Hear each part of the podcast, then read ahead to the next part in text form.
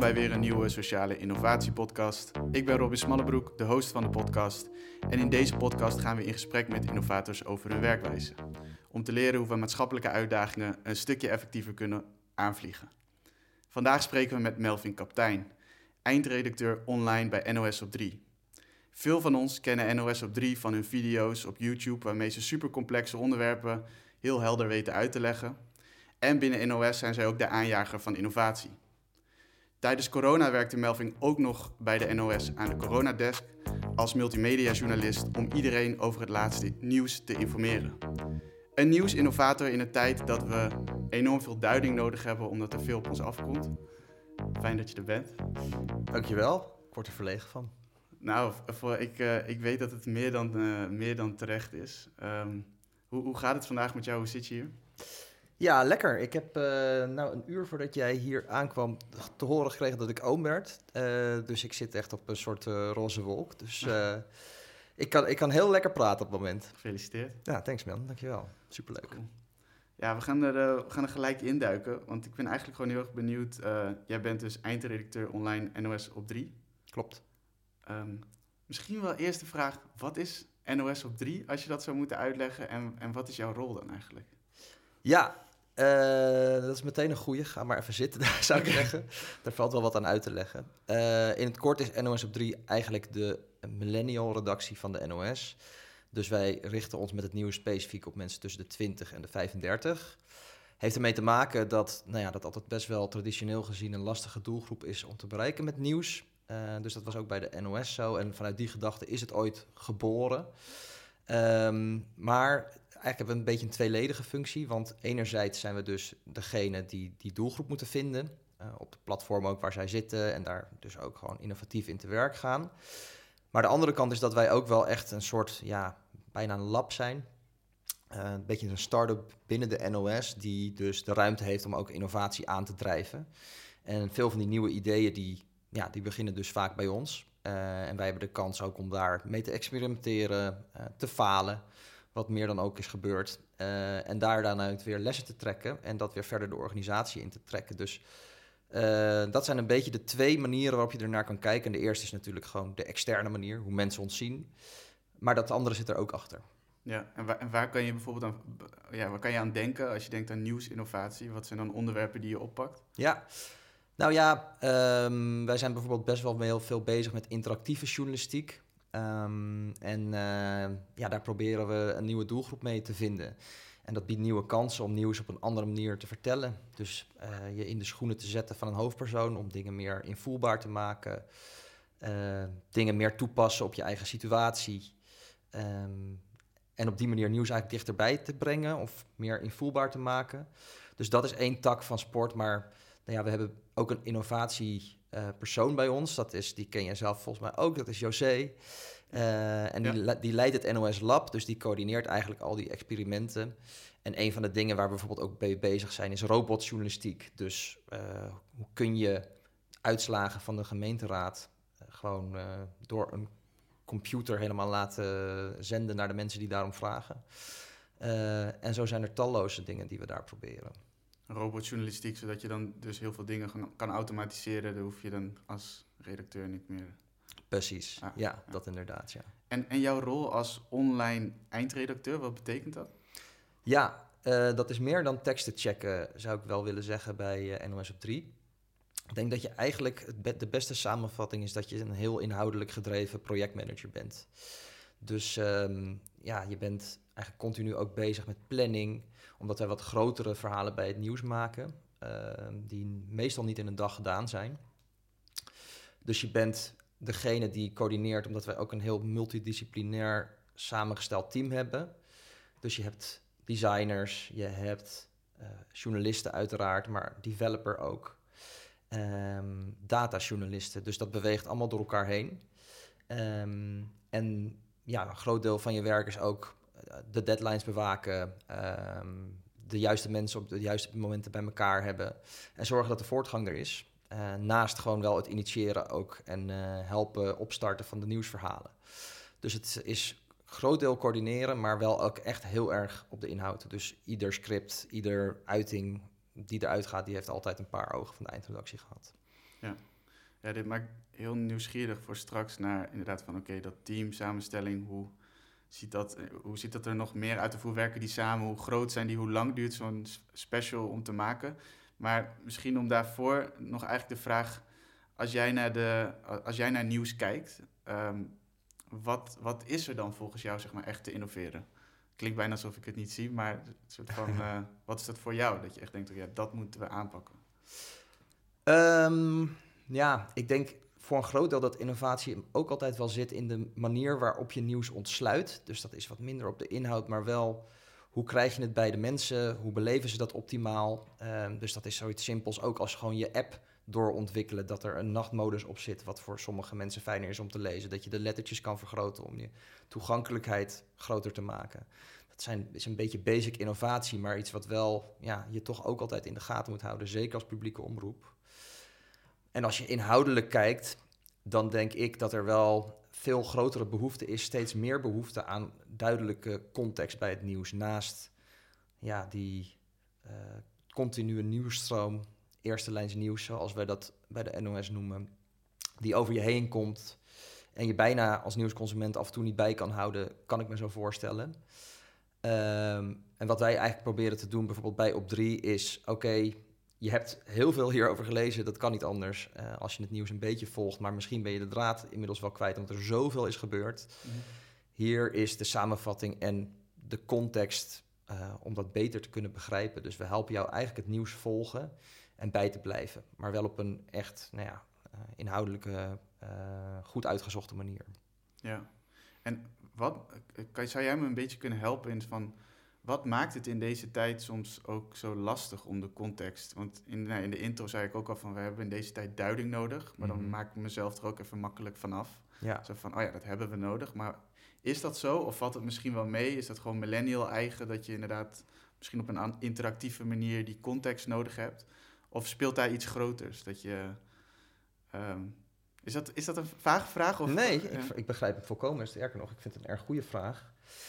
Kijk, volgens mij heeft het ermee te maken de snelheid waarmee dingen gewoon tegenwoordig gaan. En eh, de, ja, de hoeveelheid uitingen die je op je afgevuurd krijgt. Eh, Hm. We zijn de tijd natuurlijk al lang voorbij dat je gewoon... eh, geef me maar even de samenvatting, acht uur vanavond. Dat wordt nog steeds hartstikke goed bekeken, maar ja, de nieuwe generatie die staat er toch iets anders in.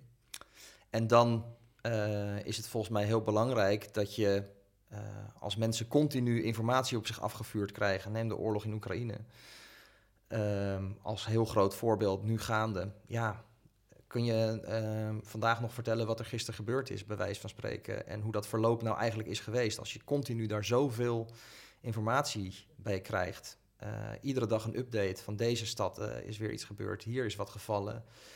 En als je dan mensen gewoon kan aanreiken waar dat conflict in de basis ook alweer over ging, want je zou het bijna vergeten met alles wat op je afkomt. Ja. Of als je mensen kan aanreiken ehm, het gedachtegoed van Poetin wat daarachter verscholen gaat en je daar eh, misschien ook iets meer bij kunnen voorstellen of in ieder geval zijn kant van het verhaal tot je kan nemen, dan help je dus mensen om die nieuwstroom beter te volgen en op waarde te schatten en eh, te snappen. Dus ik denk dat, dat, dat het hem daarin zit. Dat je zoveel op je afkrijgt dat je gewoon ondersteuning nodig hebt om het te begrijpen. Ja, om even een banaal voorbeeldje te noemen. Ik eh, kijk bijvoorbeeld eh, toen ik Game of Thrones aan het kijken was. eh, gebeurde er ook altijd heel veel met heel veel mensen. op heel veel verschillende plekken in verschillende tijden. Ja, dude, ik weet niet of jij het nog kan volgen, maar... En ik had dan altijd na afloop, ging ik gewoon naar YouTube. Daar was een kerel, die ging gewoon even duiden. Wat heb ik ook alweer gezien? Ja. Even alle puntjes aan elkaar verbinden. En toen dacht ik, oh ja, nu snap ik het. En dat is denk ik wat wij ook een beetje doen. Hm. Hoop ik in ieder geval.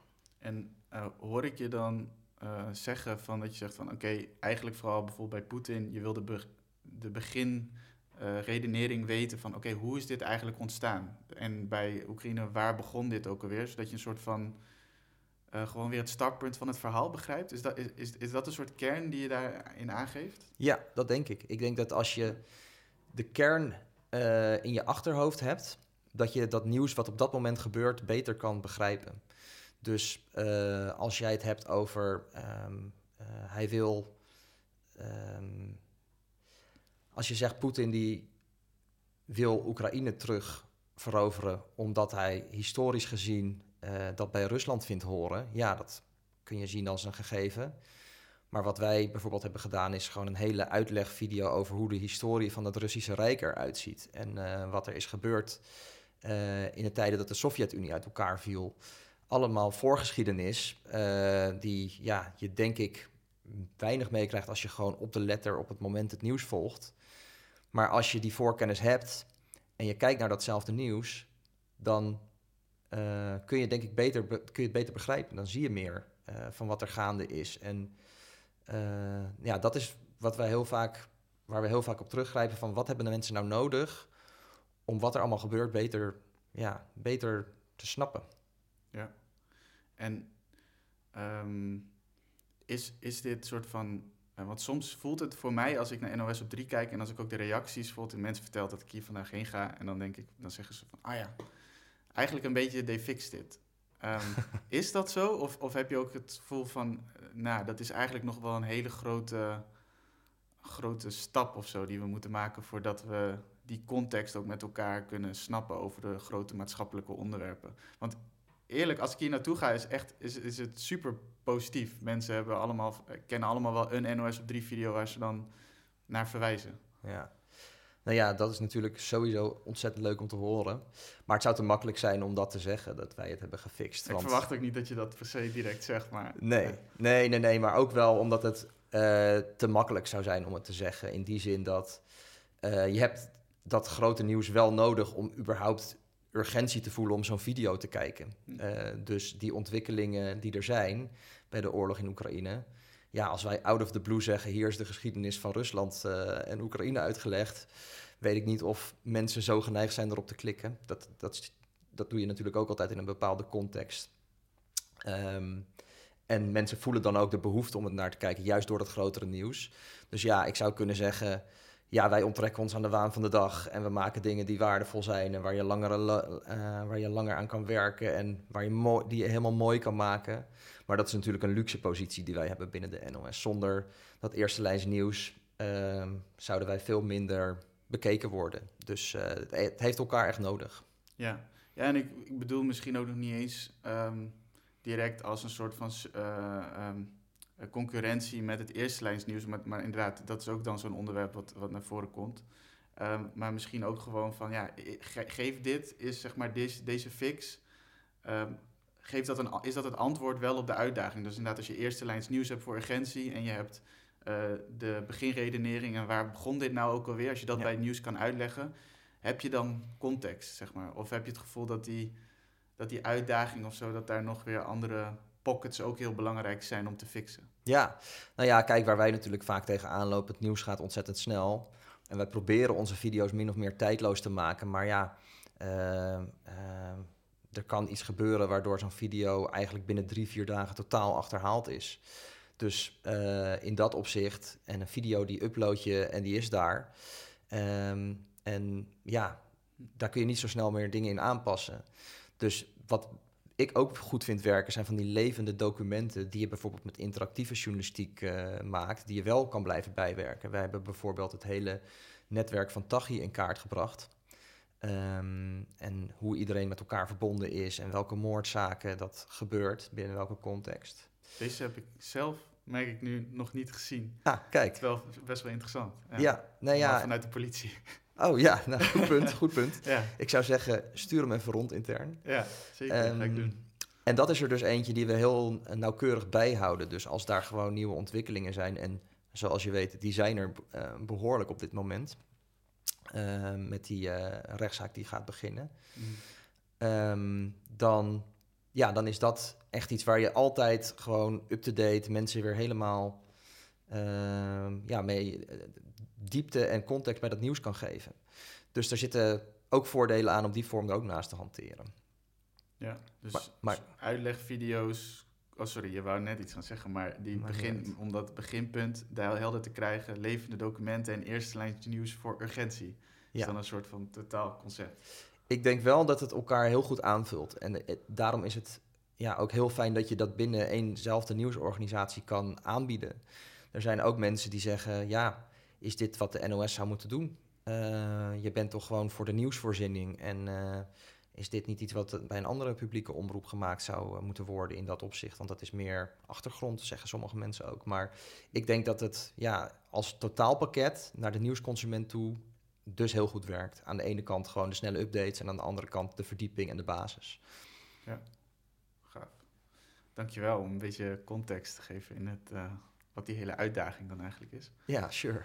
Um, ja, want je had het net eigenlijk ook over specials. Um, en ik ken er ook eigenlijk best wel een heleboel. Laatst zag ik die nog van het uh, internet. Ja, ja dat is leuk om te maken. Ja, dat was heel cool. Over hoe het uh, in Rusland dan uh, je het internet ervaart, toch? Of hoe je vanaf je telefoon dan hoe die apps eruit zien. Ja, ja klopt. Um, kan je ons een beetje meenemen? Het hoeft niet dit voorbeeld te zijn, maar met een voorbeeld van oké, hoe komt zo'n uh, uitdaging dan bij je binnen? Dus zeg maar dat je weet wat het onderwerp is en hoe stel je dan een team samen? Wat, wat gaan jullie doen? Ja, nou er zit wel een geschiedenis aan vooraf. We hebben eerst gewoon een paar keer geëxperimenteerd.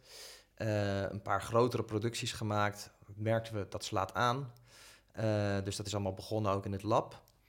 En toen hebben we bedacht, dan gaan we het gewoon echt integreren in onze werkwijze, want we, zien hier toekomst in. Dus we hebben een vaste developer die ook bij ons op de vloer zit, gewoon tussen de designers en tussen de journalisten in. Dus dat werkt heel fijn samen. Um, wat en, is zijn rol als developer? Wat, wat doet hij? Hij codeert die webspecials? Of? Uh, ja, het is een zij, maar zij. Uh, sorry, ja. yeah, no worries. Maar die, uh, ja, die codeert. Dus die is eigenlijk gewoon alle code aan het schrijven. En ja, veel bouwen we gewoon from scratch. dus dat is super leuk. En, maar hoe het meestal gaat, is. Nou het was altijd zo, laat ik het zo beginnen. Het was altijd zo dat we vaak een groot topic hadden. Um, waarvan we zagen, dit leeft echt onder jonge mensen dit is iets waar we een keer echt op moeten uitpakken. Nou ja, die onderwerpen zijn denk ik vrij evident. De woningmarkt, uh, mental health, uh, dat soort punten. Dingen waar je eigenlijk niet echt omheen kan. Het is niet de vraag of je ze opvangt, het is meer van... Precies. Ze zijn er. Ja, gewoon echt de, de grote dossiers in onze leeftijdscategorie. Van mensen tussen de 20 en 35. Hm. Um, dus bijvoorbeeld, uh, we hebben een aantal jaar geleden een depressiespecial gemaakt. En dat begon dus echt vanuit het idee van hier moeten we iets groots mee doen. Iets wat mensen helpt of iets wat mensen, nou, wat dit echt even goed op de kaart zet. En, en hoe we toen te werk zijn gegaan, dan stellen we dus een team samen. Dat was in dit geval twee redacteuren, uh, een designer, een coder, een eindredacteur. Uh, die dan ook eigenlijk een soort van de projectmanager is tegelijkertijd. Um, en dan um, begin je met, we willen dit onderwerp op de kaart zetten. En dan ligt het idee er eigenlijk helemaal nog niet. Dus dat begint echt, ja, gewoon met uh, echt ouderwets brainstormen, met, uh, met post-itjes en alles. En toen kwamen we er dus op uit van willen dat probleem eens een keer gewoon invoelbaar maken. Dus niet erover schrijven, niet anekdotisch is één iemand erover laten vertellen, maar mensen zelf in ja, de ervaring van een depressie laten kruipen. Wat natuurlijk best wel lastig is, want daar, die komt in vele soorten en maten en kun je daar recht aan doen. Um, maar wat we toen hebben gedaan, dat was een grote uh, rondgang met een stuk of vijf tot tien mensen die we heel erg in-depth hebben gesproken. En die... Hoe ziet dat eruit als jullie die in-depth spreken? Als je het hebt over een beetje methode en zo. Hoe werkt dat? Nou, dat was eigenlijk in die zin vrij open. Dat we, we wisten wel van we willen ervaringen van mensen horen. En dan gaan we doorvragen op hoe, hoe ziet het eruit? Hoe voelt het? Hoe, wat, wat hoor je? Wat hm. beleef je? Dus da daar gingen we wel echt de diepte op in. En dan kom je dus terug met nou ja, allerlei um, belevingen van mensen die we voorleggen aan artsen. Uh, staat dit voor iets groters? Kun je dit zien uh, als nou ja, representatief? En de dingen die daar heel erg uitkwamen, uh, die hebben we ja, een beetje eruit gedestilleerd. En dat hebben we dus omgezet in een ervaring. waarbij je zelf nou ja, wakker wordt, de deur uitgaat. Eigenlijk gewoon een reguliere dag, maar dan met iemand, van iemand met een depressie. En vervolgens is het natuurlijk de kunst om dat ook nou ja, mooi te verbeelden, technisch lekker te laten draaien. En daar heeft iedereen zijn rol in. Dit is een lange hoor, want hier hebben we volgens mij vijf of zes weken aan gewerkt. Ehm, Ik denk voor me menige plek denkt, of innovator denkt, ja, dat is best snel nog. Maar ja, nee, dat... als research. ja, nee, dat, dat, dat hoor ik ook als ik met mensen van agencies aan het praten ben. Die zitten dan altijd zo, wat? Seriously? Ja. Maar binnen de NOS is dat ehm, ja, vrij veel tijd om aan uiteindelijk één verhaal, verhaal natuurlijk te besteden. Maar die, ja, die is vervolgens echt, eh, en dat vond ik heel spannend om die live te zetten. Ehm, maar die is echt eh, ontzettend goed ontvangen en nou ja, ontzettend waardevolle reacties met name op gehad. Gewoon van mensen die echt zeiden, dit heeft me geholpen om mijn vriendin te laten begrijpen hoe ik me voel. Eh, en ik heb het er met mijn ouders over kunnen hebben. En ja, dus dat is, ja, dat is echt super waardevol als je zulke verhalen kan maken. Ehm, en nou ja, dit is een voorbeeld van een productie waar ik echt trots op ben. Ehm, maar er zijn ook snellere hit-and-run dingen bij hoor, die je met zo'n interactief ding eh, eh, kan maken. Ja, want jij, jij gaat ook in dat team. Ik vind het best bijzonder. Je, het lukt jullie in een, eh, een scope van zes weken om eerst dat probleem vast te pakken, interviews dus te gaan doen, in de diepte van die beleving te gaan en dan met experts te spreken om dat ook nog te duiden en te zeggen van oké, dit is iets wat we willen en dan het nog te maken. En dan als je het dan, ja, dan moet je dus ook nog de designs hebben en dan moet het nog gedeveloped worden. En dat is, dat is nogal wat. Ja, ik, ik heb dus ook heel eventjes mogen lopen bij jullie op de NOS, echt heel kort. En dan merk je hoe hard daar gewerkt wordt. Gewoon een soort fabriek. Ehm, wat maakt, ehm, en misschien is het ook wel heel vanzelfsprekend op een of andere manier, dat dat gewoon een cultuur is. Maar wat maakt dat dat team zo effectief kan werken? Nou, dat, ja, dat, dat is ook af en toe een zoektocht hoor. Want eh, kijk, het is niet zo dat je zegt, we gooien eens eventjes drie, vier disciplines bij elkaar en dat praat allemaal met elkaar en dat werkt. Ja, een paar post-its. Ja, nee, precies. Dus eh, ik denk wel ook dat je daar als ehm, coördinator of projectmanager of einddirecteur best wel eh, een, een, ja, een hele modererende rol in moet spelen om eh, ehm, ja, mensen goed met elkaar te laten praten. Ehm, en je dus ook moet willen verdiepen in het vakgebied van een ander. Eh, maar nou ja, ik denk dat het toch ook vooral voortkomt uit Ehm, ja, het voelt, het voelt relevant wat je aan het doen bent. Want je hebt, je hebt bereik als NOS zijnde. Dat is een verantwoordelijkheid en dat is ook een luxe. Dat je weet dat de verhalen die je maakt gewoon eh, gelezen gaan worden. En dan wil je dat het goed is en ehm, dat het waarde heeft voor mensen. Dus ik denk dat het, daar, ja, dat het daarvoor een deel vandaan komt... dat je daar gewoon met z'n allen vol overtuiging achter gaat staan. Is dat, is dat ook iets waar je op het moment dat iemand bij NOS, ik weet niet hoe die selecties gaan van Hmm. mensen die bij NOS op drie komen, maar is daar, wordt daar nog naar specifieke dingen gekeken? Want als jij zegt van ja, dat heeft ook te maken met de mensen gewoon die daar zitten, Ja. Dan vraag ik me af eh, welke mensen zitten daar. Nou ja, eh, het is niet per se leeftijd wat daar de absolute eh, criterium is. Ik denk wel dat het helpt als je zelf een beetje in de belevingswereld zit van de mensen waar je over schrijft. Dus ons team is ook relatief jong. Ehm, ik denk gemiddeld genomen een beetje rond de 26, 28 of zo.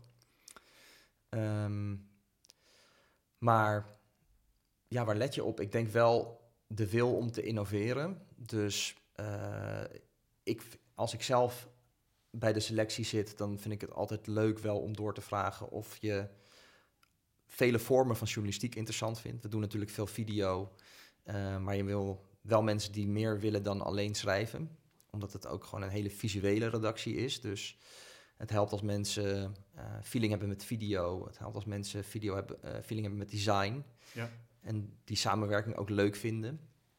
Ehm, en ja, ook wel gewoon aanvullendheid qua persoonlijkheid. Ja, dat is een beetje lastig te vangen, maar dat doe je een beetje op vingerspitsen. Maar je wil ook eh, dat, dat er een goede mix, is tussen introvert en extravert bijvoorbeeld. Eh, dus het is ook maar net ja, hoe het team eruit ziet en wat je denkt dat het nodig heeft. Ja, ja het is, ehm, ik vind het altijd fascinerend dat als je iemand spreekt die in een goed team zit, waar dingen goed zijn ingericht, dan zijn sommige dingen ook inderdaad, die worden dan fingerspeeds of worden gevoel of intuïtie. Terwijl eigenlijk waarschijnlijk als iemand van buiten, net als bij die zes weken scope, als iemand van buiten daarnaar kijkt, dan denkt hij van wow, maar dan gaan hier eigenlijk heel veel dingen goed. Mhm. Heel veel dingen zijn soort van heel relevant. Dus ik zit dan nu ook te denken van ja, hoe zitten jullie dan met een commissie? Heb je, hebben jullie trouwens bij NOS op 3 ook een heel hecht team bijvoorbeeld, aan die, die, die de bovenkant dan zeg maar uh, organiseert? Hoe, hoe ziet dat eruit? Nou ja, een hecht team, dat zou je wel kunnen zeggen. Ja, het is wel echt een, uh, ja, gewoon een, vriendenteam, eigenlijk bijna. Um, en ja, met hele goede chefs erboven, dus die, uh, die coördineren de boel. En die gaan we voor een grote over selectie en hoe dat team wordt samengesteld, maar heel erg in samenspraak met de eindredactie. Dat is eigenlijk de tweede laag en dat zit heel dicht op elkaar. Er is nauwelijks hiërarchie eigenlijk. Um, en dat gaat heel erg uh, ja, organisch. Ook wel omdat uh, ja, er gewoon een aantal mensen zijn die er lang zitten, die dat DNA ook een beetje bewaken. En ook wel ja, een soort van onderbuikgevoel hebben van wat er nodig is. Uh, maar ik zou niet zeggen dat wij een soort hele filosofie hebben over hoe het is samengesteld. Nee, eigenlijk, eigenlijk niet. Nee, nee, dat, dat snap ik heel goed. Daarom zit ik ook een beetje te zoeken van, oh ja, wat, wat, wat doen jullie dan, dan eigenlijk? Want je zei bijvoorbeeld eerder ook bijvoorbeeld over het, uh, meer over de werkwijze. Van ja, oké, het is dan als eindredacteur ook wel belangrijk om, ik weet niet zeker of je eindredacteur is, maar in ieder geval om een beetje te modereren. Dat ja. dat, dat een belangrijke rol is. Ja. Wat, wat is uh, goed modereren, dat mensen goed met elkaar in gesprek zijn? Ja, nou kijk, bij ons, je werkt eigenlijk, je werkt voornamelijk in de journalistieke organisatie. Uh, en de realiteit daarvan is dat je veel journalisten hebt uh, die gewend zijn op een bepaalde manier te werken. En in veel gevallen is dat werken vanuit tekst, werken vanuit het geschreven woord. Dat is de manier waarop je je misschien het meest leert uitdrukken. Um, als je daar al, um, als je een team hebt waar ook heel veel designers in zitten, bij ons denk ik dat de ratio nou, misschien op, moet ik het goed zeggen, misschien op uh, vier journalisten heb je twee vormgevers zitten, dus ja, één op twee. Um, dan wil je dat zij hun visie voor verhalen net zo goed kunnen etaleren. Uh, dus soms begint een verhaalidee bij ons ook vanuit een concept. Zo van, we vinden deze techniek of deze vertelvorm zijn we door geïnspireerd. En het lijkt ons gewoon vet om die een keer toe te passen. Wat is daar een goed onderwerp bij? Dat is een heel andere manier van naar nieuws kijken. Uh, dat kan ook voor die developer gelden als die een bepaalde techniek heeft gezien of een bepaalde uh, toepassing waarvan je denkt, hey, dat is interessant voor ons om ook eens uit te proberen. Dan kun je daar later weliswaar gewoon kijkend naar het nieuws enzovoort uh, een onderwerp bij vinden. En nou ja, die, uh, die mensen af en toe op de voorgrond zetten en uh, niet zorgen dat je niet helemaal wordt overrompeld door journalistieke inhoud en ehm, ook die kant naar voren halen. Dat is denk ik belangrijk als eindredacteur, ja. Gaaf. En, en, en hoe zet je iemand dan? Want ja, nogmaals, jullie werken keihard daar. Uh, hoe zorg je dat, dat daar dan ook echt ruimte voor is, dat je iemand naar voren kan halen? Nou, kijk, bij ons is bijvoorbeeld, uh, we hebben iedere ochtend een ochtendvergadering. en van tevoren komen alle ideeën binnen via Slack. En daar worden dat idee kan ook van de, kan van de stagiair komen, kan van de vormgever komen, kan van de developer komen of van een van de redacteuren komen. Maar daar is gewoon iedereen echt helemaal gelijk in. Um, en ja, soms, soms, soms heb je als vormgever gewoon even wat meer van ja, de kamer nodig of de rest van het team om zo'n idee wat aan te scherpen. Uh, maar de bereidheid om met elkaar mee te denken daarover, die is er wel heel erg. Dus het is niet zo dat we zeggen, hier zijn de journalisten. Zij komen de ideeën brengen en dan gaan de vormgevers dat maken voor de journalisten. Nee, het is echt uh, um, gelijkwaardig optrekken. En dus als jij, je werkt ook aan zo'n explainer bijvoorbeeld, als designer tegelijkertijd met de journalist. Dus het is niet zo dat we zeggen, we nemen die video op en dan gaan jullie de graphics erop zetten. Je bent echt met elkaar aan het bedenken uh, hoe dat samen gaat. Um, we maken ze in een week en dat is maandag tot vrijdag. En ja, dat is dus een hele week een vormgever en een hele week. Een, Eén week? Uh, ja, ja, ja, nee, het is, uh, het is eigenlijk vrij bizar dat het tot op heden steeds gelukt is. Want het is wel echt, uh, ja, dat, die spiegel krijg je ook als je gewoon met andere redacties praat. We hadden laatst uh, iemand van Fox, uh, wat een beetje ons lichtende voorbeeld is. de V met, met de V, toch? ja, ja, nee, niet de F. Ja. Met de V inderdaad. En die, ja, die vertelde hoe dat bij hen ging. En dat was voor ons ook wel weer een openbaring. Dat ze daar dus weken aan zo'n video werken. Um, en wij hebben gewoon een soort methodiek ontwikkeld waarbij het steeds op een of andere manier lukt. Ehm, en het is denk ik ook wel goed, want dat zorgt er dus wel voor dat je echt nog alert en goed op het nieuws kan zitten. Eh, en dus die relevantie hebt. Want anders wordt het wel echt een soort, ja, een soort uh, mini-docu'tjes die uh, wij spreken ook vanuit de VPRO zouden kunnen komen. Dus het is wel goed, maar het is, ook, het is wel echt doorwerken, ja. Ja, en je zegt mini-methodiek. Dan weet ik dat je net ook al zei van ja, dat is ook iets organisch. Maar wat, uh, als je in zo'n week, dat is misschien nog weer net een ander proces dan zo'n special van zes weken. Ja. Hoe, hoe, hoe ziet zo'n week eruit? Ja, best wel gestandaardiseerd inmiddels dus. als in maandag in gezamenlijkheid het onderwerp kiezen. Dan hebben we een, de redacteur die het script schrijft, die presenteert eigenlijk ook in de regel bijna altijd zelf. Dus die gaat dan heel hard researchen op maandag. Die gaat um, gewoon kijken wat er allemaal is. Ook qua beeldresearch, fragmentjes misschien alvast vinden. De designer die gaat ondertussen nadenken over een soort overkoepelend concept. Die gaat ook beeldresearch daarvoor doen. Uh, dus bijvoorbeeld, we hebben een tijd geleden een video gemaakt over de Franse verkiezingen. Nou, toen werd een beetje de hexagon werd, uh, het thema wat daar doorheen verweven zat. Nou ja, dan ben je dus vormpjes van Frankrijk aan het vinden en die daarin aan het omzetten. Je bent uh, overgangetjes aan het maken die in die hexagonvorm zitten. Infographics die zo zijn opgebouwd. Dus ja, dat is echt iets wat dan al vroeg in het hoofd gaat zitten. dan dinsdag um, maken we dat script eigenlijk al af. En dan zit je dus ook vormgever, uh, redacteur, eindredacteur. Ik heb het script dan gelezen, heb ik feedback geleverd. Dan is dat uh, vaak al even verwerkt. Script is dus dag twee? Dan is het script, als het goed is, is dat klaar ja, aan het einde van de dag. Ja. Dus die redacteur heeft die dag daarvoor research gedaan. Ja. Uh, gelijk een eerste script geschreven en die legt je jou eind de dag twee voor of op de begin van de dag? Ik hamer altijd een beetje rond een uur of twee, drie. Dat ik het dan de eerste, de, de rough cut, zeg maar, kan lezen. En dan, uh, ja, dan is uh, rond een uur vier ga je met de vormgever en de redacteur zitten. En dan ga je dus ook zeggen, oké, dit gedeelte, hier komen die graphics, daar we deze grafiek voor. Uh, zodat je ja, weet hoe je eventueel ook als presentator moet bewegen. hoe je bepaalde bewegingen moet maken, zodat je een grafiek juist introduceert enzovoort. Als eindredacteur doe je ook de regie, dus dat ben jij zelf ook allemaal aan het opslaan. Dan dinsdag, einde dag, als je dat helemaal... Sorry, nog e- even ja, sure. ja, die, dus jij bent dan, als je dat script ziet, ben je eigenlijk ook aan het regisseren al van... dan moet het ook samenkomen met van, oké, design, presentator, script. Ja. Ik wil nu snappen hoe dat ook als beeld samenkomt. Ja, op papier natuurlijk nog allemaal. Wat een cool moment eigenlijk wel. Ja, nee, dit is, dit is een feestje. Want hier ben je ook altijd nog aan het ja, improviseren, brainstormen. Dan komen vaak ook de gekke, uh, grappige ideeën er nog in. Uh, omdat je met elkaar zit. Dan ga je uh, dinsdag einde dag, we laten ons script altijd tegenlezen door experts. Dus intern hebben we natuurlijk dossierhouders bij de NOS, maar ook altijd één iemand extern. Gewoon voor de blik van buiten. Um, dan krijgen we daar altijd woensdag 14 uur feedback op. dat kan soms wat tegenvallen, als in er is nog wat werk aan de winkel, dan nemen we meestal rond een uur of twee smiddags op.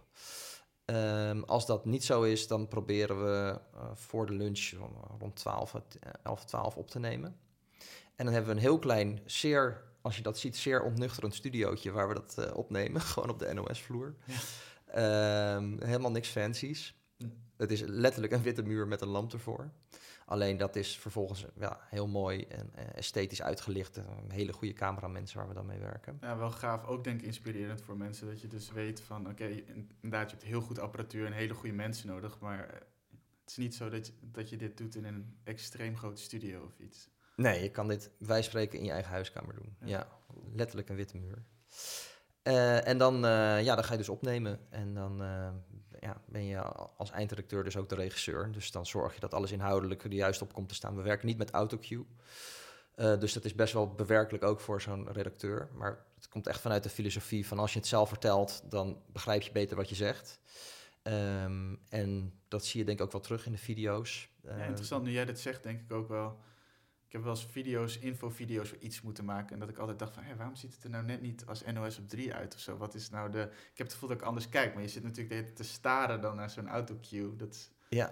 totaal niet natuurlijk of zo. Nee, nou ja, er zijn mensen die dat ontzettend goed kunnen hoor. Maar eh, ja, bij ons uh, zouden, zouden sommige mensen dat denk ik ook prima kunnen. Maar ehm, ik denk dat het er natuurlijker van wordt. Als je gewoon je eigen zelfgeschreven teksten uit je hoofd vertelt. Dus dat, die opnames duren daardoor ook best wel wat langer dan in theorie zou hoeven. Maar dan ben je met twee uurtjes of zo, sta je vaak toch wel weer buiten. Dat is echt nog steeds echt rete snel. Maar goed. Ja, ja, ja, nee, ja dat, dat klopt ook wel. Maar we zijn inmiddels ook wel geoefend. En het moet ook, gezien uh, nou ja, de rest van de week. Want woensdag ga je dan dus, als redacteur een beetje je tijdlijntje maken. Uh, de designer is de, ja, de assets of de grafieken die die kan maken al aan het maken. En dan donderdag uh, ga je daar eigenlijk mee verder. En dan werken wij dus hoe we het doen om het te kunnen fixen. Is we sturen vanuit de redacteur, die soms ook met een editor er wel naast werkt hoor. Uh, sturen we delen heen en weer. En daar gaat de designer dan de graphics opzetten. Uh, en die gaat dan weer terug, zodat ja, de, de redacteur intussen verder kan.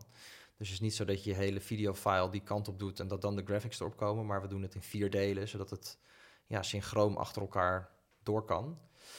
Uh, en dan vrijdag, dan zijn we ja, ook echt bezig met alles wat er logistiek nog bij komt kijken. Uh, namelijk het exporteren, dat duurt uh, best een tijdje met de video's die we maken. Het uploaden, het wegzetten, de titel, de thumbnail. Allemaal van die dingen waar je eigenlijk nooit over nadenkt, maar die extreem belangrijk zijn. Dat die ook kloppen en goed zijn. Ehm, en dan, ja, vrijdag, als het goed is. Ik dacht dat we al op vrijdag waren, maar we zijn op donderdag. Ja. Nee, we zijn op vrijdag. We okay, zijn op vrijdag. Okay. Ja, donderdag en vrijdag ben je met die twee delen heen en weer de hele tijd bezig. En dan vrijdag, uh, ja, in theorie om vijf uur naar huis, maar dat gebeurt zelden. Uh, omdat je daar dus ook altijd nog... We ondertitelen alle video's ook. Um, dat is dus bij 10 minuten video ook best nog een klusje. Hm. Um, maar ook echt vanuit het idee, het is internet, mensen moeten zonder geluid kunnen kijken. En omdat we heel erg hebben gemerkt dat uh, uh, mensen het waarderen. Uh, ook bijvoorbeeld mensen die de taal aan het leren zijn. Dan krijgen we altijd heel veel mensen gebruiken die video's van ons om de taal te leren. Dat is heel grappig. Dus dat is leuke bijvangst ook nog. En dan zaterdag 8 uur, dan iedere dag of iedere week staat hij weer klaar. Dus ja, dat is een beetje gedetailleerd misschien, maar... Nee, ik denk dat dat juist uh, ja, een super mooi antwoord is. Want dit geeft super concreet... Mensen hebben toch vaak ook bij innovatie het gevoel... Maar wat doe je dan echt precies? Ja. En ik denk dat dit echt laat zien van... Ja, er zit gewoon uh, allemaal kleine, eigenlijk methodetjes binnen een methode... Ja. Die het mogelijk maken om in één week... Ja, ik vind het fascinerend om dit te doen. Ja, en het is, het is ook echt ingespeeldheid dus op dat vlak. Van, uh, ja, je weet uh, wat je van elkaar kan verwachten en je spreekt het van tevoren goed door. Maar uh, ja, onderweg veranderden er ook altijd weer dingetjes en uh, zie je van, oh, dit werkt toch niet helemaal lekker. En dan moet je natuurlijk ja, dingetjes nog net even anders doen. een graphicje die ergens anders staat, die kleiner wordt, grafieken schrappen, omdat het gewoon te lang en te saai is om naar te kijken. Ja. Dat zie je ook pas wat later. Dus ja, het kan ook wel eens zijn dat je gewoon om 8, 9 uur naar huis gaat. Maar dan heb je wel het moois gemaakt. Ja. En ja, je vertelde ook van dit gaat uh, niet in één keer. Je experimenteert een paar keer en uiteindelijk kom je op zo'n vorm dat je dit zo snel kan en goed. Mm -hmm. um, maar uh, ja, kan je iets vertellen over die weg daar naartoe? Is dat, is dat uh, heel lastig of ging dat vrij vloeiend? Hoe, hoe liep dat om van een bestaande cultuur naar dan een cultuur te gaan die in één week sprint. Hoewel, ik zit nu ook hard op te denken. NOS heeft natuurlijk al een nieuwscultuur ook. Ja. Hoe, hoe zag dat eruit? Um, nou ja, kijk, bij NOS op 3 specifiek was het wel een, een, lange zoektocht, moet ik zeggen. In die zin, ik zit er acht jaar. Uh, en uh, ja, zeven jaar geleden werd de tv uit. Wij zijn van origine een tv-programma. Uh, dat werd toen gekild. En toen kregen wij eigenlijk een soort vrijbrief van... ja, je, je bent nieuws voor jongeren, dus ga gewoon uh, op internet alles uitvinden. Uh, en toen zijn we begonnen met van alles. Hele lelijke dingen. Uh, echt uh, dingen waar je nu op terugkijkt dat je denkt, ja, hoe heb je dat ooit bedacht? Ehm, maar wel allemaal om erachter te komen dat dat dus niet werkt. En die uitlegvideo's, die, ja, dat was een trend, vooral in Amerika. waarvan we dachten die gaat heel goed werken. dat zou wel eens goed kunnen gaan werken. En die zijn we toen gaan uitwerken. Eerst ook nog heel laagdrempelig. En ehm, uiteindelijk gaan er dan een aantal gewoon lekker viral. Die ga je dan analyseren van ja, wat was hier goed aan. Uh, je hebt natuurlijk hele directe user feedback altijd online, dus dat is fijn. Dat kun je ook een beetje op die manier peilen. Ehm, en daar komt steeds een soort aanscherp, uh, aanscherping uit voort. Dus ehm, dan kan het zo zijn dat je, ja, dat je met een presentator. Ja, je gaat, je gaat ook een beetje een formatje bouwen voor de herkenbaarheid. Dus eerst deden we gewoon op locatie opnemen. Uh, toen deden we uh, met hele cartoony graphics dingen. En het was best wel diffuus. Het was best wel, ja, gewoon iedere keer wat anders, want experimenteren. En als je dan op een gegeven moment merkt, hé, hey, we hebben wat beet.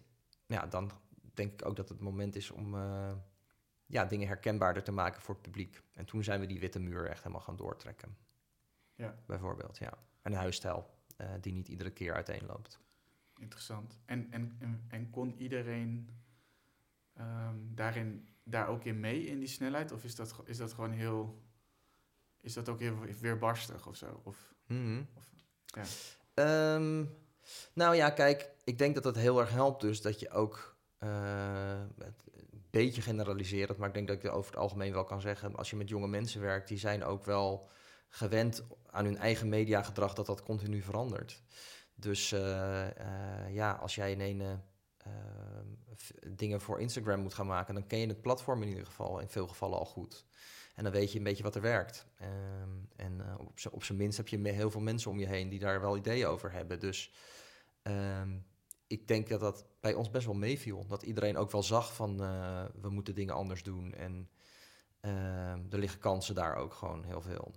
Dus ik heb, ja, nee, volgens mij zijn er weinig, eh, weinig mensen echt van de wagen gevallen onderweg eigenlijk. Nou ja, ik vind het ook wel iets fascinerends. Iets wat, wat je zegt van zo'n hecht team aan de bovenkant... die dan ook mensen selecteert die ook, nou, inderdaad ook voor een groot deel jong zijn. Dus de platform snappen, intrinsieke motivatie...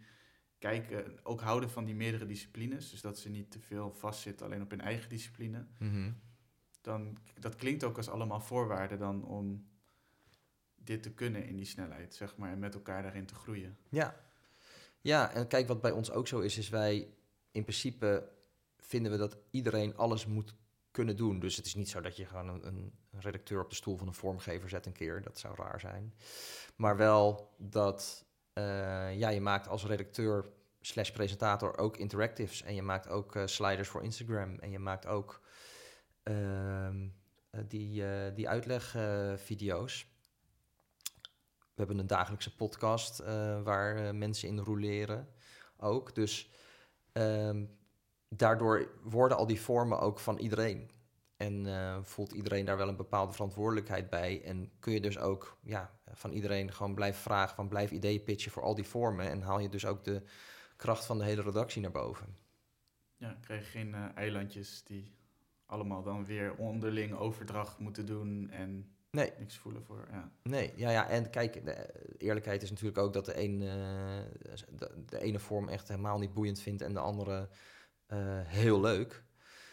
Maar ja, uh, dat andere prevaleert dus. Dat vinden we belangrijker. Ja, interessant. En als je naar dat model kijkt en je zou zeggen van ja, maar dat zijn nog dingen die zouden anders kunnen, die kunnen beter. Wat mm -hmm. zou mhm. dat dan zijn? Um, Ja, er valt echt nog wel wat winst te maken. Kijk, um, wij, wij, zijn op Instagram bijvoorbeeld ook wel uh, een eigen account zijn we bezig. En daar proberen we ook die context en duiding te geven met grafische visuele platen. Uh, inmiddels moet je je sowieso afvragen of je niet beter op TikTok kan uh, zitten als nieuwsmedium. Wat Stories al wel doet. Dat is het jongere broertje van NOS op 3. En die doen het daar heel erg goed. Um, dus daar zijn wij ook over aan het nadenken of daar misschien uh, een stap naartoe moet worden gezet. Uh, maar het is best moeilijk om op Instagram, wat uh, een heel visueel gedreven medium is, waar diepgaandheid over het algemeen uh, wat lastiger is om mensen daartoe te verleiden, om je echt te verdiepen in een onderwerp. Het is toch wat meer vluchtig in je tijdlijn. Daar hebben we de formule nog niet helemaal gekraakt, wat mij betreft. Daar liggen nog wel kansen om dat menselijker te maken. Het is nu best wel technische, afstandelijke, weliswaar heel mooi verbeelde uitleg. Maar uh, nee, daar moeten we nog wel doorontwikkelen. En de, ja, dat succes wat we op YouTube hebben, moeten we daar nog wel zien te vinden. Ja, en hoe, hoe kan je zoiets menselijker maken? Wat, wat zijn dan je invalshoeken? Waar kan je dan het in zoeken? Of misschien niet eens de inhoud uh, is de vraag, maar ook meer op proces. Hoe ga je dat dan, hoe ga je daarmee aan de slag? Ja, nou ja, kijk, gewoon de, de afweging vooraf is denk ik gewoon, ja, Instagram is natuurlijk een heel menselijk uh, medium. En Ehm, wat ik zou willen daar, wat we zouden moeten doen, denk ik, is gewoon veel meer verhalen met de doelgroep maken. Dus uh, je hebt best wel nauw contact met je publiek. Die, de band met NOS en de 3 en het publiek is sowieso vrij hecht. Mensen durven ook dingen tegen ons te zeggen, suggesties te geven. Daar vragen we ook heel actief om. Um, dus je zou meer van de doelgroep terug willen zien in die uh, video's. Gewoon mensen die vertellen over hun eigen ervaringen. Um, dat doet stories al een stuk beter dan NOS brief, vind ik bijvoorbeeld. En hoe je daar dan komt qua proces, dat is volgens mij uh, altijd het gewoon gaan proberen. Um, maar wel um, met een idee er vooraf over hoe dat er dan uit moet komen te zien. Want we zijn ja, daar wel te groot om zomaar in een allemaal vervreemdende content in mensen hun tijdlijn te gaan uh, pleuren. Dat werkt ook niet. Maar dan zou je dus uh, moeten zeggen, joh, uh, we willen iedere week in ieder geval drie verhalen daar waar je heel, die heel erg vanuit de doelgroep komen. En dan ga je daar je pitches op aanpassen. Je gaat daar, het wordt eigenlijk een soort mini-sprint, een, een, soort ingekapseld experiment, wat je dan zou gaan doen. En kijken hoe, hoe dat haalbaar is. En nou, dan als dat succesvol is en het, je hebt er een methode voor gevonden, dan begin je ermee. En werken jullie dan net als bij zo'n special van zes weken dan bijvoorbeeld ook weer met uh, diepte-interviews en zo? Of is dat een ander proces? Of lijkt dat weer meer inderdaad op die eenweekse sprint waarvan je zegt van ga gewoon dingen proberen? Ja, ik zou zeggen dat laatste eerder. Ja, gewoon uh, uh, we willen het, laten we eens proberen, ervaringen ondervinden en dan kick-off met de redactie als we het echt gaan doen. Ja, ja ik vind ook tenminste zelf interessant die combinatie met die ochtendmeeting mm die jullie hebben. Want dan hou je ook in die snelheid van die sprints, hou je ook nog een soort van ruimte voor iemand die gewoon een keer zegt, bijvoorbeeld vanuit design, van hey, ik denk dat dit gewoon een heel lekker uh, stukje content is of zo, wat ik ergens heb gevonden. Ja. Maar ik zie het weinig of zo. Dat je dan, ja, ik vind dat wel een, een coole combi tussen snelheid en tegelijkertijd de vrijheid om nog te kunnen pitchen ja, wat je op je hart hebt of wat je inspireert. Ja, nou ja, en kijk, we hebben het wel in die zin ook wel een beetje belegd hoor. Dus daar zit ook wel een systematiek in. We hebben dagelijkse producties. Uh, en die ochtendmeeting wil je denk ik altijd wel gewoon lekker een beetje kort houden ook. Dus we zijn max een half uurtje bezig. Uh, en dan bespreken we dus onderwerpen voor de podcast, voor Insta, de dingen die we dagelijks doen.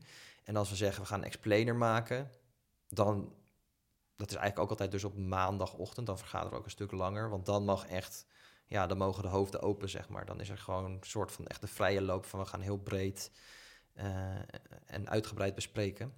Uh, en brainstormen eigenlijk ook al. Dat wordt al gauw een soort halve brainstorm. Mm -hmm. uh, dus je probeert dat ook wel onder te brengen, want anders zit je soms met elkaar gewoon anderhalf uur aan tafel alleen maar vette ideeën te bespreken en kun je ze niet meer maken. Dus, ja. dan heb je de lering helemaal niet van wat. Dan heb je alleen maar ideeën. Ja, ja, ja, precies. Ja. En dan mis je de tijd om ze te maken. Ja, cool. Ja, heel nice. Dus in die brainstorms kun je dan ook kwijt als iemand een keer iets, een, iets wat niet Fox is bijvoorbeeld, maar iets anders heeft ergens gezien.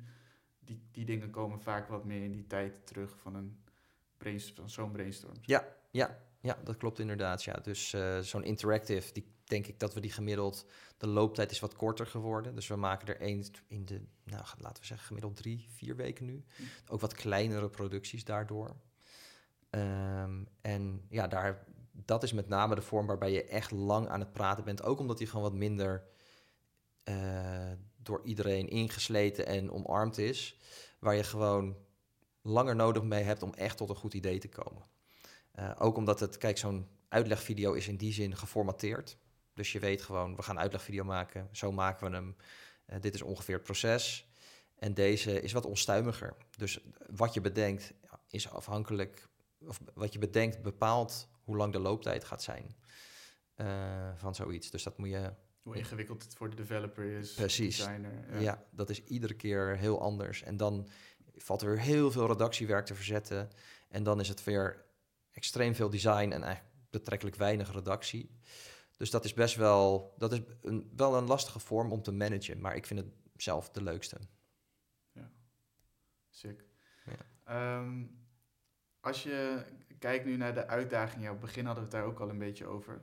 Maar als jij kijkt van, oké, als ik nu eh, nieuws voor de komende tijd eh, weer naar een next level zou moeten brengen, waar, eh, waar denk je dan aan?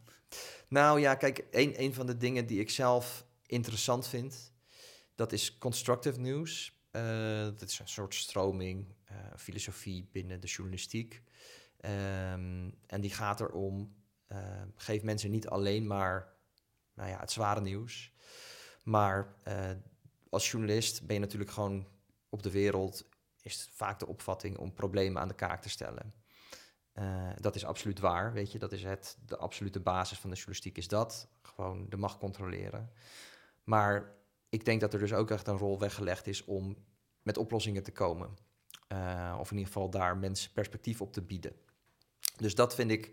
Ik, ik spreek best wel veel mensen, dat zul je misschien zelf ook wel herkennen... die zeggen, ik kijk geen nieuws meer, want ik word er gewoon depressed van. Die zijn er wel, ja. Ja, zeker. Ehm, nieuwsmeiders eh, begrijp ik best goed, denk ik. Ehm, want dat is soms af en toe ook gewoon heftig. En ik denk dus dat je mensen best wel kan helpen... ehm, ja, daar ook nog het perspectief bij te kunnen zien. Ehm, bijvoorbeeld bij zo'n woningmarkt, wat eh, ja, als jongeren af en toe ook best wel depressing kan zijn. Denk ik dat het heel goed is om wel ook te laten zien: kijk, er zijn ook mensen die buiten de box denken. En dit zijn ideeën voor de toekomst over hoe dat misschien binnen afzienbare tijd voor jou wel eh, een haalbaar iets is geworden. Of dit zijn dingen die je zelf kan doen eh, om daar beter op te letten. En ja, ik denk dat dat ehm, de journalistiek best wel zou kunnen helpen om die mensen beter te bereiken die zoiets hebben van ik ben er klaar mee. We hebben bij NOS op 3, dat is inmiddels eh, zijn we daarmee gestopt, maar heel lang een serie gehad op Instagram die heette Een Goed Verhaal. En dat was gewoon ja, mensen die positieve dingen deden. Eh, en ik denk dat het goed is dat af en toe ook te laten zien en uit te lichten. Ehm, en dat was ja, zo in een formatje gegoten dat het wel heel obviously was. Kijk, eh, mooie dingen gebeuren ook in de wereld. ja. Maar het kan subtieler, denk ik. En eh, daar zie ik wel een rol voor weggelegd. Dat je het ook in bepaalde items, lichtpuntjes kan Ja. laten. Ja. Ja, cool. Ja. Ja, dat is ook een beetje... Ik merk dat ook bijvoorbeeld met deze podcast, wat ik best interessant vind, dat je dan... Dat is natuurlijk een hele andere schaal. Mhm. Maar wel dat je gewoon af en toe even dat je weer hoort bijvoorbeeld... Als iemand hoort, heeft een journalistieke ambitie en hoort wat jij doet... maar heeft bij die journalistieke ambitie nu de twijfels van... Ja, hoe, hoe ga ik daar mijn impact in maken? Dan maakt zeg maar jou dan even horen. Zorgt ervoor dat iemand dan in één keer bijvoorbeeld een berichtje stuurt naar de podcast. Oh ja, nu denk ik van ik ga dit door, ik ga doorpakken. Of, eh, dus, ik kan me dat heel goed bij, ik kan me er heel veel bij voorstellen. Dat, ik, vind, zo- ik verwonder me namelijk zelf ook elke keer weer bij zo'n gesprek als dit. Dat je dan denkt, oh ja, het is ook eigenlijk, we staan er zo niet alleen voor. Maar, ehm, ik weet niet of jij dat herkent, maar soms in een individualistische maatschappij kan het soms een beetje voelen van, oh ja, Mhm. ik ben met een eh, wat mensen soort van aan het bikkelen om iets te fixen. En dan op het moment dat dat dan, nou, dat je die myth een beetje gaat onderzoeken, dan blijkt het dat er eigenlijk soort van duizenden mensen alleen al in Nederland echt gewoon zieke shit aan het doen zijn. Ja. Ja. Ja, nee, ja, nee da- ja, dat is natuurlijk ook wat online wel echt eh, prachtig bij elkaar brengt af en toe. Maar ehm, nee, ja, ik denk dat ik wel snap wat je bedoelt, ja. Ehm, dat het, ik, ik herken het in ieder geval heel erg van toen ik zelf als journalist eh, net begon en zoekende was van wat is mijn rol, eh, waar kan ik wat bijdragen. En je kent alle theorieën, maar je moet ook maar net even ergens een stap binnen kunnen zetten en mensen vinden die er hetzelfde over denken. Ja, ja. Eh, dus nou ja, dat kan wel een zoektocht zijn. Maar ja, het zou natuurlijk te gek zijn als dit iets daaraan kan bijdragen. Hey, afsluitende vraag, want eh, volgens mij hebben we echt superveel mooie dingen besproken. Sure. in ieder geval, jij hebt ze ook toegelicht. Ehm, heb jij nog een must-read, een must-watch en misschien nog een favoriete jam, iets van muziek die je zou mee kunnen meegeven, dat mensen nog even kunnen doorgaan op jouw, eh, jouw vibe, jouw? Oké, oké, oké. Eh, Even denken. Ja, nou ja, een must-watch En dat is denk ik een wat oudere docu inmiddels wel. Maar dat is er eentje die op mij, voor mij heel veel dingen bij elkaar brengt die ik zelf heel interessant vind. Die heet Next Goal Wins. Ehm, en het, ja, het gaat over voetbal. Het gaat ook over verre landen, exotische, rare eh, plekken, die, helemaal aan de andere kant van de wereld. En het gaat over nou ja, wat, wat leiderschap een beetje kan brengen en wat eh, samenwerking kan brengen. En dat gaat namelijk over het voetbalteam van Amerikaanse Moa. Eh, dat is heel klein, is, uh, vlakbij Australië, een heel klein eilandje. die ja, eigenlijk een heel matig voetbalteam hebben. Um, vrij amateuristisch, heel laag op de FIFA-ranking. Maar wel nou een prachtig hecht team met allemaal mensen die elkaar kennen. Het is een soort half dorp. Uh, en daar komt op een gegeven moment een Nederlandse voetbalcoach naartoe. En die gaat daar de boel helemaal op scherp zetten. Wat nice. ja, voor extreem veel spanningen zorgt. Uh, maar tegelijkertijd hen dus ook wel echt resultaten brengt. En ja, het is echt een soort heel heroïsch verhaal. Uh, van ja, hoe dat team langzaam uitgroeit en succesjes boekt. En dat echt een ontzettend mooie docu. Dus die zou ik van harte aanraden. Um, iets minder vrolijk verhaal misschien, maar de must-read die ik dan zou willen noemen, die is helaas wel weer op dit moment heel relevant, maar dat is uh, Generatie Columbine. Uh, dat is van Hans Klis, een journalist, en die heeft een boek geschreven over uh, schoolshootings. Oké, okay, ja. En dat is best een, een, topic waar je even voor moet gaan zitten. Um, maar wat ik er mooi aan vond, is je bent natuurlijk heel erg geneigd hier altijd nou ja, op een bepaalde manier naar te kijken. En het is verschrikkelijk wat daar gebeurt. Maar in dat boek wordt gewoon best wel blootgelegd hoe, die, hoe dat wapen zo verankerd is geworden in die Amerikaanse cultuur. En waarom het toch iedere keer maar weer blijft gebeuren. En waarom ze eigenlijk een soort van vastzitten in hun eigen redenatie.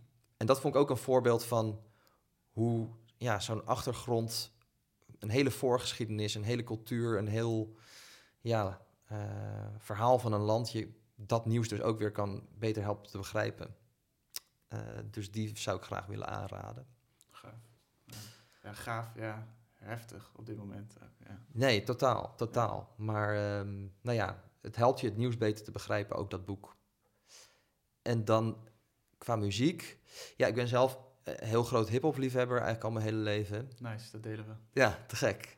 nou ja, en ik ben, uh, ja, Kendrick Lamar heeft net een nieuw album uit. Die vind ik waanzinnig goed. Die heb ik nog niet eens echt heel goed gecheckt. Zo, nee, ja, de, LP, de, oude LP's liggen thuis, maar deze nog niet. Uh, oh, nou ja. Dat is, is wel, goed, ja? Ja, het is wel echt weer heel nice. Ah, ja, ja, maar als ik er eentje zou moeten noemen, dan is het uh, van nu.